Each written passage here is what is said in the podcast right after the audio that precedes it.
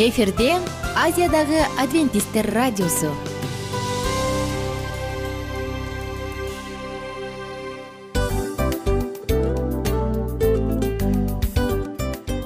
Достор салют. Баардык сүйүктүү угармандарыбызга салам айтабыз. Кутман күнүңүздөр менен. Ден соолук өмүрдүн булагы демекчи саламат саамы программасында баарыңыздарды көргөнүбүзгө абдан кубанычтабыз. Анда алгач амандашып өтөлү арбаңыздар деп ден соолугуңуздар кандай элибизде көбүнчө ден соолук кандай дегенде эле жакшы деп жооп беребиз жооп ооруп турсак дагы жакшы дейбиз. Анан мен муну айтып ойлойт элем бул абдан сонун сөз депчи анткени бул жакшы деген үмүт да ооба. баары жакшы болот баары сонун. Деп үмүттөнүп атып эле өзүбүздү өзүбүз дарылап коебуз. Анысы кандай? Сиздин дагы ден соолугуңуз жакшы беш деген үмүттөбүз чындыгында ден соолук бул өмүрдүн булагы деп бекеринен айтылган эмес деп ойлойм. Кыргыз элинде анткени эгерде ден соолук жок болсо анда адамдын жашоосунда калган баардык керектүү маңыздуу нерселер өзүнүн баалуулугун жоготуп коет. Ошондуктан ден соолук бул эң керектүү нерсе. Ооба туура айтасың кесиптешим. Чынында ден соолугуң жок бир эки үч күн ооруп калсаң эле э кандай болуп калат? Жашоодо көз каранды болуп каласың көп нерсеге жетишпей каласың көп нерсени кыла албай каласың жада калса эшикке дүкөнгө да чыга албай каласың. Туп туура анан ден соолук болсо демек биз биздин бактыбыз тодой деп койсок болот. Анда достор саламатсызбы рубрикабызды баштайлы. Алдыда өзүңүзгө керектүү болгон сонун кеңештерди уга аласыздар. Мына ошондуктан биз менен бирге болуңуздар. Ал эми биз болсо милан жана айнура. Кеттик алга. Алга саламат саама ден соолуктун жарчысы. Саламат саама ден соолуктун ачкычы. Күн сайын сиз үчүн мыкты кеңештер сонун жаңылыктар кызыктуу фактылар. Биздин рубрикада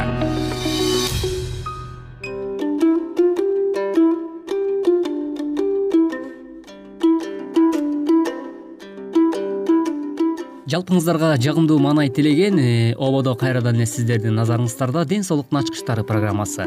Бүгүнкү программабыздын чыгарылышында өткөн берүүдө эсиңиздеде болсо керек кадырман радио угармандарыбыз биз сиздер менен э, мончого түшүү жаатында дагы э, адам баласы өзүнүн саламаттыгына кам көрүү туурасында дагы сүйлөшкөнбүз. Ал эми бүгүнкү программабыздын чыгарылышында мончонун келип чыгуу тарыхы туурасында дагы кеп кылмакчыбыз. Андыктан биздин толкундан алыстабай биз менен бирге болуңуз мисалы грузияда байыркы мончонун орду табылыптыр э, грузиялык археологдор тбилисиде байыркы доорго таандык уникалдуу мончонун калдыктарын таап алышыптыр. Болжол менен биздин заманга чейинки экинчи үчүнчү кылымдарда салынган мончо табигый ысык суу менен камсыздалып ага жалаң бай кишилер эле түшкөн экен. Казылуулар учурунда ошондой эле айнек керамикадан жасалган буюм тайымдар тыйым өңдүү бир топ артефакттар табылыптыр. Буга чейинки тбилисинин бешинчи кылымда топтолгону айтылып келген. Грузиянын улуттук музейинин илимпоздору эми тарых китептери кайрадан жазып чыгышы мүмкүн экен мына ушундай шарттарда кымбаттуу угармандар мончонун э, тарыхы же болбосо анын келип чыгуу жаатында бүгүнкү күндө дагы окумуштуулар изилдеп турган учуру. Демек археологиялык казуулардан улам мына ушундай э, грузиянын археологдору же болбосо бүтүндөй дүйнөнүн археологдору ушундай жыйынтыкка келип э, турган учурлар экен бүгүнкү учурда. Андыктан бул дагы бизге билип коюубузга ашыктык кылбас деген ойдобуз. Ал эми биз болсо маегибизди мындан аркы бөлүктө уланта бермекчибиз. Сиздер болсо биздин толкундан которулбай биз менен биргеликте кала бериңиздер. Мисалга мончонун үч түрү бар экен. Кеңири жайылган бул орус мончосу экен. Андан кийин түрк андан кийин фин мончолорунун айырмасын алардын температурасы менен нымдуулугуна э, түрк мончосу өтө ысык жана нымдуу келет экен андагы температуранын э, кырктан алтымыш градуска ал эми нымдуулугу жүз пайызга чыгат экен. Аталган мончодо керамикалык плитка жана таштар колдонулат ушундай мончого барып көрдүң беле? Ооба сөзсүз түрдө э, мындай мончолорго барып э, жүрөбүз. Биздин кыргызстанда деле э, бүгүнкү күндө ушундай мончолордун саны арбын десек болот. Себеп дегенде ал жерде бир башкача ыңгайлуу бир шарттары бар. Ошондуктан мага жагат десем болот. Ооба мен дагы көргөм мисалга э, хамам деген жери бар экен ал жерге жалаң плитка төшөлүп плитка аябай ысык болот экен. Ооба. Анан көпчүлүк айымдар ошо плиткага э, жатып э, ушу сөөктөрүнө чейин жылууну өткөрүшөт экен. Ооба сөзсүз түрдө ысыкка жатуу дагы кандайдыр бир сиздин сөөктөрүңүзгө ар кандай суставтардын ооруларын өнөкөт ооруларды алдын алганга жардам берет эмеспи. Андыктан мындай мончолорго дагы барып турган жакшы болуш керек менимче ооба дагы э, айтып коюшат экен. Бир ирет мончого баруу бул он э, косметикалык процедурадан өтүү болот экен. Ооба сөзсүз түрдө буга дагы мен дагы толугу менен кошулам. Ушундай нерсеге барабар десек жаңылышпайбыз. Андан кийинки фин мончосу бул аябай ысык жана кургак болот экен. Температурасы жүздөн жүз жыйырма градуска чейин жетет. Ал эми нымдуулугу болгону төрттөн он пайыз эле болот экен бул фин мончосу дагы кургак киргендей болот экенсиң ооба мындай мончолор дагы биздин өлкөдө дагы э, өтө көп болбосо дагы айрым сейрек жерлерде бар десек жаңылышпайбыз. Э, ушундай кургак бууга кирип э, дагы бүгүнкү күндө көптөрүбүз барып жүрсөк керек. Андыктан бул дагы пайдалуу жактары бар экен адамдын ден соолугуна. Андыктан баардык нерсени алдын алып бүгүнкү күндө ушул интернеттин заманы болгондуктан кайсыл мончо сиздин ден соолугуңузга көбүрөөк пайдасын тийгизет муну дагы изилдеп анан тандап барсак болот экен.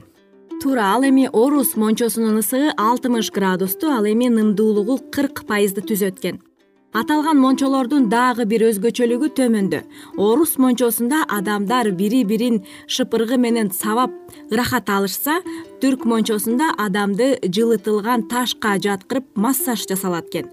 Ал эми фин мончосу дайыма себилип туруучу эфир майларынан улам жыпар жыттанып турат экен ооба жыпар жыттуу ар кандай ушул эфир майларын э, колдонуу аркылуу дагы мончону бир аңкытып койгон дагы учурларга дагы күбө болуп жүрөм. Бул дагы абдан мындай адамдын дем алганда э, ички органдарына чейин аябай бир жакшы э, таасирин калтырат. Себеп дегенде өткөн берүүбүздө биз айтып өткөндөй эле мүмкүн өпкө оору өнөкөттөрүнө дагы алдын алганга жардам берет. Мисалы ошол эле сиздин өпкөңүз жакшы дем ала албай кандайдыр бир дем кыстыгуу болуп аткан учурда дагы ушул ыкмаларды колдонгондо кадимкидей дем алуу орган ачыла түшөт. Жана тери дагы аябай жаңыланып кичинекей баланын терисиндей болуп калат ооба баягы айтып коюшат го эл арасында наристенин денесиндей болуп калыптыр деп. Ошол сиздин дагы денеңиз наристеникине окшоп калат. Бул дагы абдан жакшы жана кулакка дагы өтө жагымдуу кылат э? Албетте. Жана мончого барганда адамдар кээ бирде суу ичкенди унутуп калышат экен мисалга суу ичкенде беш э, жарым литрден бир жарым литрга чейин тер чыгат экен андыктан адам суусайт экен мындайда ар түрдүү чөптөрдөн тундурмасын даярдалган чөп чай газдалган суу квас ичүү туура эң жакшы э, мөмө жемиштердин жаңы сыгылып алынган ширесин ичсеңиз суусунуңуз гана канбастан организмге керектүү витаминдерге дагы ээ болот экенсиз. Ооба сөзсүз түрдө бул жакта дагы ар кимдин табити ар кандай болсо дагы бирок э, бул э, чөп э, чайларын ичүү дагы өтө маанилүү деп эсептейбиз. Себеп дегенде муну дагы адистер өзгөчө тастыктап өткөн. Мисалы бүгүнкү учурда суусундуктар кыйла эле абдан көп эмеспи. Мисалы ошол эле алкоголсуз суусундуктардын ичинен газдалган суусундуктар бар. Бул газдалган суусундуктарды мончодо көбүрөөк колдонсоңуз бул баягы ден соолукка пайдасын тийгизгендин ордуна зыяны көбүрөөк болуп калат экен. Буга мисал биз буга чейинки көптөгөн программаларыбызда айтып өткөнбүз. Мисалы кока кола ошондой эле пепси жана башка суусундуктарды көбүрөөк колдоно турган болсоңуз бул ден соолукка пайда алып келүүнүн ордуна тескерисинче сиздин ден соолугуңузга олуттуу зыяндарды алып келип калышы толугу менен ыктымал. Андыктан бул жаатта дагы сөзсүз түрдө кымбаттуу угармандарыбыз э, табитти эле баягы э, менин табитим ушуга эле тартат дей бербестен э, табитти дагы баягы бурмалап же болбосо аны дагы көндүрсө болот экен. Мисалы үчүн сиз мончого бараардын алдында сөзсүз түрдө мүмкүн ошол үйдөн жакшынакай кылып бир чөп чайды э, даярдап алып ичсеңиз дагы бул өтө чоң жардамын берет экен э, кайсыл багытты гана тандабаңыз бирок эң негизгиси э, бүгүнкү биз айтып аткан кеңештерди жашооңузда колдонгон болсоңуз анда сөзсүз түрдө сиз өзүңүздүн саламаттыгыңызга кам көрдөгөн болосуз деген үмүт менен бүгүнкү программабызды жыйынтыктамакчыбыз. Бизге бөлүнгөн убакыт ушуну менен өз соңуна келип жетти. Келэрки берүүбүздө сиздер менен дал ушул толкундан амандашканча сак саламатта болуңуздар саламат саама ден соолуктун жарчысы. Саламат саама ден соолуктун ачкычы. Күн сайын сиз үчүн мыкты кеңештер сонун жаңылыктар кызыктуу фактылар биздин рубрикада.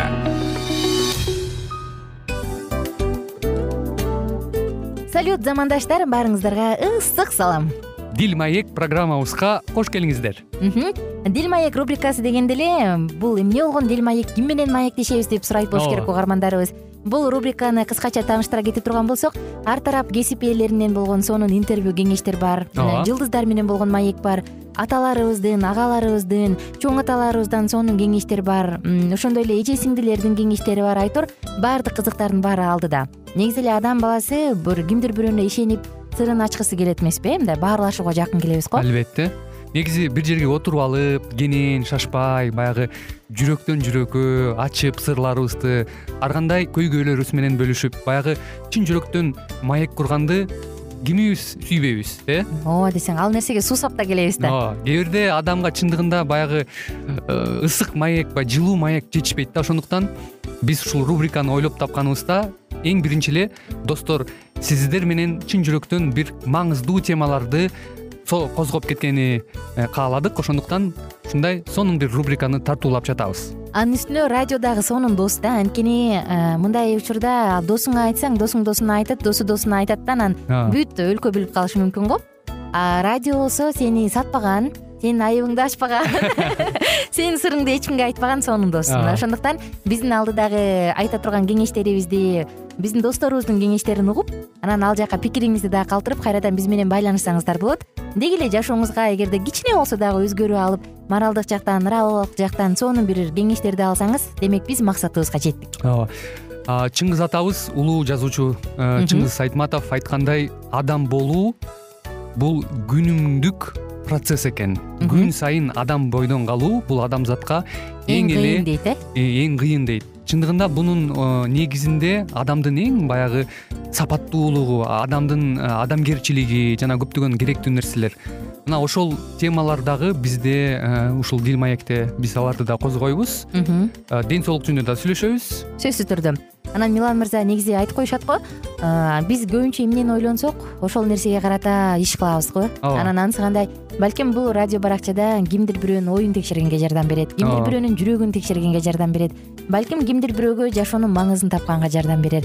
Айтор кызыктын баары алдыда бул жөн гана кыскача жарнама анда угармандарыбыздын баардыгын кийинки рубрикабызга чакырабыз. Ал эми кызматта маңдайымда отурган кесиптешим милан жана мен айнура. Анда эмесе биз даярдаган терең терең ойлор менен таанышууга кеттик. Алыс алыс баралык анда эмесе достор биз менен бирге болуңуздар. Алдыда эң кызыктуу маалыматтардын баардыгы бир нече мүнөттөр бою жалгыз гана сизге арналат. Мына ошондуктан жакшы маанай менен угууну каалайбыз. Үн алышканча. Жөнөдүк. Ар түрдүү ардактуу кесип ээлеринен алтын сөздөр жүрөк ачышкан сыр чачышкан сонун маек дил маек рубрикасында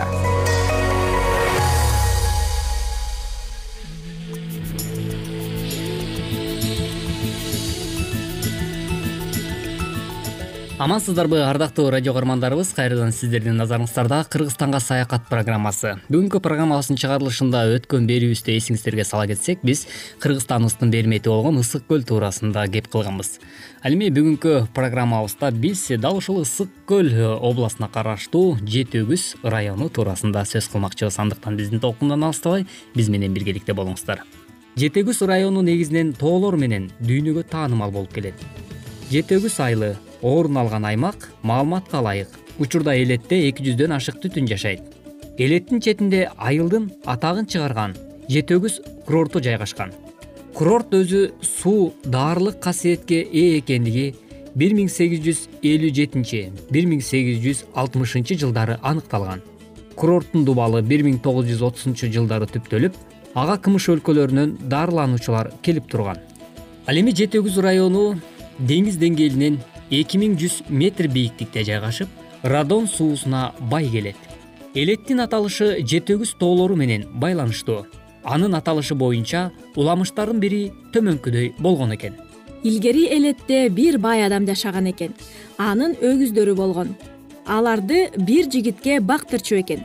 Жигит келишимдүү мырза болгондуктан байдын кызы аны жактырып калат күндөрдүн биринде жаштар сүйүүлөрү үчүн күрөшүп качып кетишет. Бирок байдын жигиттери кармап баланы жана өгүздөрдү өлтүрүп салышат. Ошондо сүйгөнүнөн айрылган кыздын жүрөгү жарылып андан жарылган жүрөк тоосу. Ал эми өгүздөрдөн жети өгүз тоолору пайда болгон экен дешет айыл тургундары. Экинчи версиясы мындай болгон. Илгери илгери бир жесир аял болгон экен. Анын асан үсөн деген уулдары бар экен ошол аял жашаган айылда сансыз малы бар бирок өзү абдан ач көз сараң бай болуптур жакырлыктан айынан байкуш аял эгиз балдарын ошол байга жалчыга берет. Асан менен үсен байдын торпокторун кайтарып эптеп жан багышат.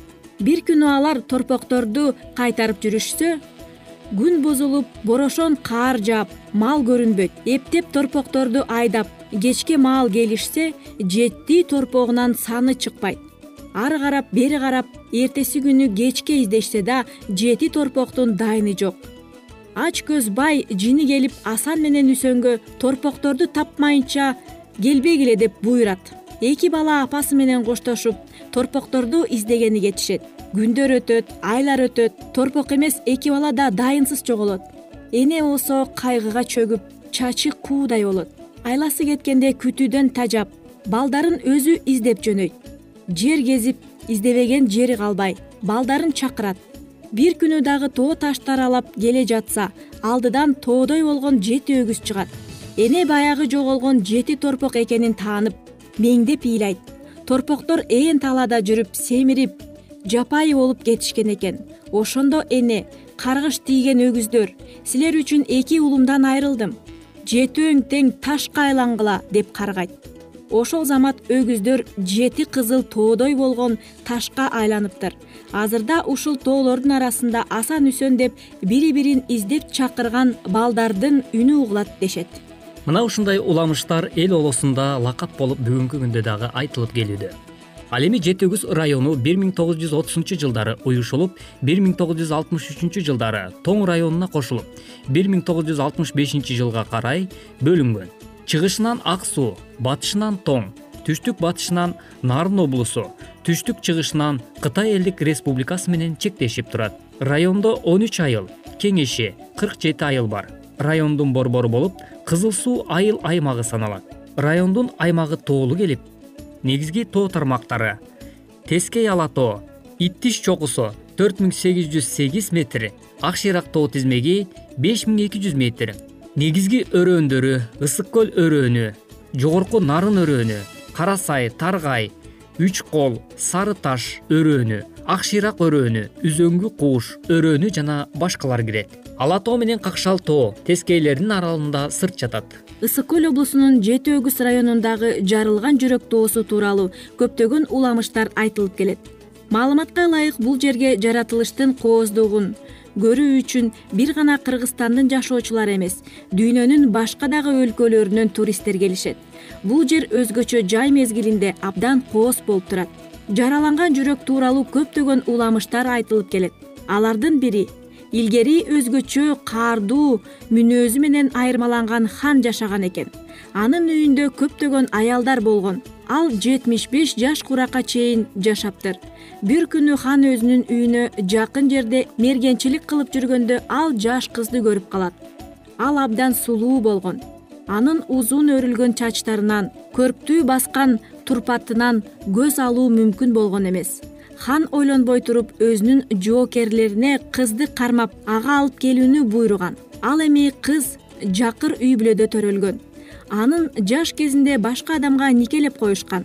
Эки жаш дагы бири бирин абдан жакшы көрүшкөн. Алар хандын жоокерлери кызды алып келүүгө келе жатышкандыгын уккандан кийин тоого качып кетүүнү чечишет алар жолго чыгышканда хандын жоокерлери кармап баланы өлтүрүшүп ал эми кызды атка өңөрүп алышып хандын үйүнө алып келишет. Тоо ашууларынан өтүп үмүтсүздүк сезимдеринен жана кайгыдан улам кыздын жүрөгү чыдабай ал каза болгон. Көп убакыт өткөндөн кийин ошол жерде тоо пайда болгон. Эгерде тоо этегине туруп анын бийиктигин караса анда асмандын фонунда адамдын жарылган жүрөгүнүн сөлөкөтү көрүнөт. Тоонун ортоңку бөлүгүндө кызыл чопо бар. Бул жүрөк канап жаткандыгы менен түшүндүрүлөт кымбаттуу радио каармандар бүгүнкү программабыздын чыгарылышында сиздер э, ысык көл областына караштуу жети өгүз району туурасында маалыматка ээ болдуңуздар. Ал эми жогоруда кесиптешим айтып өткөн бул эл оозунда айтылып келген уламыштар э, атадан балага калып бүгүнкү күндө айтылып келүүдө. Ал эми жетегүбүздүн жаралуу тарыхы туурасында дагы маекке бүгүн сиздер орток боло алдыңыздар. Бүгүнкү программабыз сиздерге кызыктуу болгон болсо анда кыргызстанга саякат программасын ар дайым тыңдаңыздар деген тилек менен бүгүнкү программабыздын көшөгөсүн жапмакчыбыз. Кийинки программадан сиздер менен кезишкенче сак саламатта болуңуздар. Ар түрдүү ардактуу кесип ээлеринен алтын сөздөр жүрөк ачышкан сыр чачышкан сонун маек дил маек рубрикасында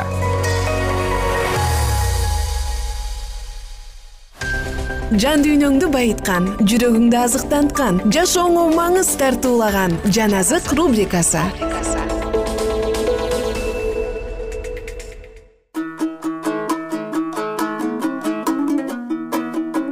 Кутмандуу куш убак күнүңүздөр менен айымдар жана мырзалар. Жалпыңыздар менен улуу күрөш китебин окууну андан ары улантабыз. Вавилон бузулгандардын энеси катарында сүрөттөлүп айтылган бул жерде айтылган кыздар анын окутуусун карманып жана жол жобо эрежелерин сактагандар. Жана анын жолун жолдоп жердегилер менен мыйзамсыз байланыштарды түзүш үчүн кудайдын ырайымын жана чындыгын курмандыкка чалышты. Аяндагы он төртүнчү бапта вавилондун кулашы жөнүндө айтылган. Бул башта таза жүрүшүп бирок кийинки мезгилдерде бузукулуктун жолуна түшүп кеткен диний уюмдарга таандык. Бул кабар сот жөнүндөгү айтылган кабардан кийин жарыялангандыктан ал акыркы мезгилге таандык болуп эсептелет. Ошондуктан бул кабар бир гана римдик католик чиркөөсүнө гана таандык эмес. Анткени бул чиркөө көптөгөн жүз жылдар аралыгында жийиркеничтин ичинде жүргөн андан тышкары аян китебиндеги он сегизинчи бапта кудайдын элине вавилондон чыгууга чакырык салынып жатат. Ушул аяттын айтуусуна караганда көпчүлүк кудайдын уулдары баштагысындай эле вавилондо кабылынып жатат. Ыйса машаяктын жолдоочуларынын көпчүлүк бөлүгү кайсыл диний уюмга таандык? Албетте эч күмөнсүз протестант жыйындарына. Реформациянын жаңыдан аткан таңында бул жыйындар кудай жана чындык тарапта болушкан жана анын алкыштоолору аларды коштоп жүргөн. Жада калса дүйнөдөгү ишенбеген адамдар дагы жакшы кабардын көрсөтмөлөрүн кабыл алууну аягы жакшылык менен аяктарын көрүп турушкан. Израиль пайгамбары мындай деп айтат. Жана өзүңдүн сулуулугуңдун урматына даңкың элдер арасында тарады. Себеби мен сага кийгизген эң сонун жасалганын натыйжасында сулуулугуң артып эч кемдиксиз болдуң дейт кудай теңири. Бирок алар бир кезде израиль өзүнө каргыш жана өлүм тандап алган күнөөлөрдү жана жагымдуу нерселерди тандап алышты. Алар адилетсиздердин каада салттарын карманууга жана алар менен достошууга аракеттенишкен. Бирок сен өз сулуулугуңа таянып даңкыңан пайдаланып бузуктук кыла баштадың. Жезекел он алтынчы бап он төртүнчү он бешинчи аяттар. Көпчүлүк протестанттар жыйындары римдин өрнөгүн алууда. Жердик падышалар менен мыйзамсыз кеңеш түзүшүп мамлекеттик жыйындар муну мамлекеттик бийликке байланыштыруу үчүн кылышса ал эми башка диний уюмдар дүйнөгө жагынуу үчүн кылышууда. Жана вавилон деген сөз башкача айтканда аралашуу бул жыйындарга дал келип олтурат. Алар өз окутууларын ыйык жазууларга негиздедик дегени менен алар көп сандаган секталарга бөлүнүшүп өз ой жүгүртүүлөрүндө бири бирине карама каршы турушат. Римден бөлүнгөн жыйындар дүйнө менен күнөөлүү байланыш түзүп коюп тим болбостон анын башка дагы жийиркенерлик сапаттарын кабыл алышкан болчу. Бир католик жазуучусу мындайча ой жүгүртөт. Эгерде римдиктердин чиркөөсү ыйыктарды кастарлоо менен жалган кудайларга табынуусу менен күнөөлүү болсо. Ал эми анын кызы англиялык жыйын ошол эле күнөөгө айыптуу алар марияга арнаган он жыйын ачса машаякка арнаган бир гана жыйын ачат. Доктор хопкинс өзүнүн миң жылдык падышалык деген баракчасында мындай дейт. Машаякка каршы рух жана анын иштери бир гана римдиктердин жыйындарына гана таандык деп айтууга эч кандай негиз жок. Анткени машаякка каршы рух протестант жыйындарында дагы ыйыктыктан жана адеп ахлактыктан тазалыгынан алыс ишин жасап жатпайбы? Пресвитериандык жыйындардын римден бөлүнүп кеткендиги жөнүндө доктор гутри мындай деп жазат. Биздин жыйын үч жүз жыл илгери рим дарбазасынан колуна ачык мукадас кармап жана өз туусун көтөрүп ыйык жазууларды изилдегиле деген өз ураанын айтып чыккан. Андан кийин ал көп түрлүү мындай суроо берет. Биздин жыйын вавилондон таза болуп чыктыбы англиялык жыйын дейт сперджен каада салттарга берилип кеткендей сезилген. Ал эми андан бөлүнүп кеткендери өз кезегинде философиялык ишенбестикке берилип кетишти. Биз көп нерселерди күткөндөр биринин артынан бири ишенимдин негизинен баш тартышты. Англия өз ичинде кудайсыздыкка толгондугун. Мен кайрадан кайра билип турдум. Жана кафедрага чыгып алып мен чыныгы христианмын дегенге батынышат. Бул улуу баш тартуулар кантип башталды эле? Алгачкы жыйын жакшы кабардын чындыктарынан алыстап кетиши кандайча болду? Жооп бирөө. Бутпарастарды ишенимге киргизүү аракетинде жыйын бутпарастардын жөрөлгөлөрүн колдоно баштаган. Элчи павел өз кезегинде мындай деп айткан. Мыйзамсыздыктын жашыруун сыры азыр аракеттенип жатат. Экинчи тессалоникалыктар экинчи бап жетинчи аят. Элчилердин мезгилинде жыйын өз тазалыгын кынтыксыз сактап келген. Бирок экинчи жүз жылдыктын аягында көптөгөн жыйындар өзгөрүлө баштады.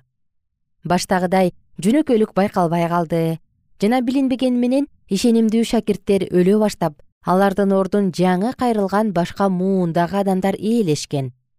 Алар бардыгын өздөрүнүн билгениндей жасай башташкан. Жаңы кайрылган адамдарды кармап калыш үчүн христиандык жогорку көрсөтмөлөр төмөндөтүлдү. Жана бутпарастардын чоң агымдары жыйынга агып кирди. Жана өздөрү менен кошуп өз жөрөлгөлөрүн каада салттарын жана кызыгууларын ала киришкен качан христиан жыйындары көпчүлүк адамдар тарабынан кабыл алынып жана мамлекеттик бийликтин колдоосуна татыктуу болгондон кийин ал көпчүлүк адамдар аркылуу үстүртөн гана кабыл алынган. Көпчүлүгү сырткы көрүнүшүнөн гана христиан болгондору менен чындыгында жашыруун өз жасалма кудайларына табынган чыныгы бутпарас бойдон калышкан. Кымбаттуу жана кадырлуу угарман сиз менен бирге бүгүн улуу күрөш китебинен дагы бир үзүндү окуп өттүк. Кийинки уктурууда саатыбызды улантабыз жана кызыктуу окуянын уландысын биз менен бирге тыңдаңыз. Кайрадан амандашканча сак саламатта туруңуздар.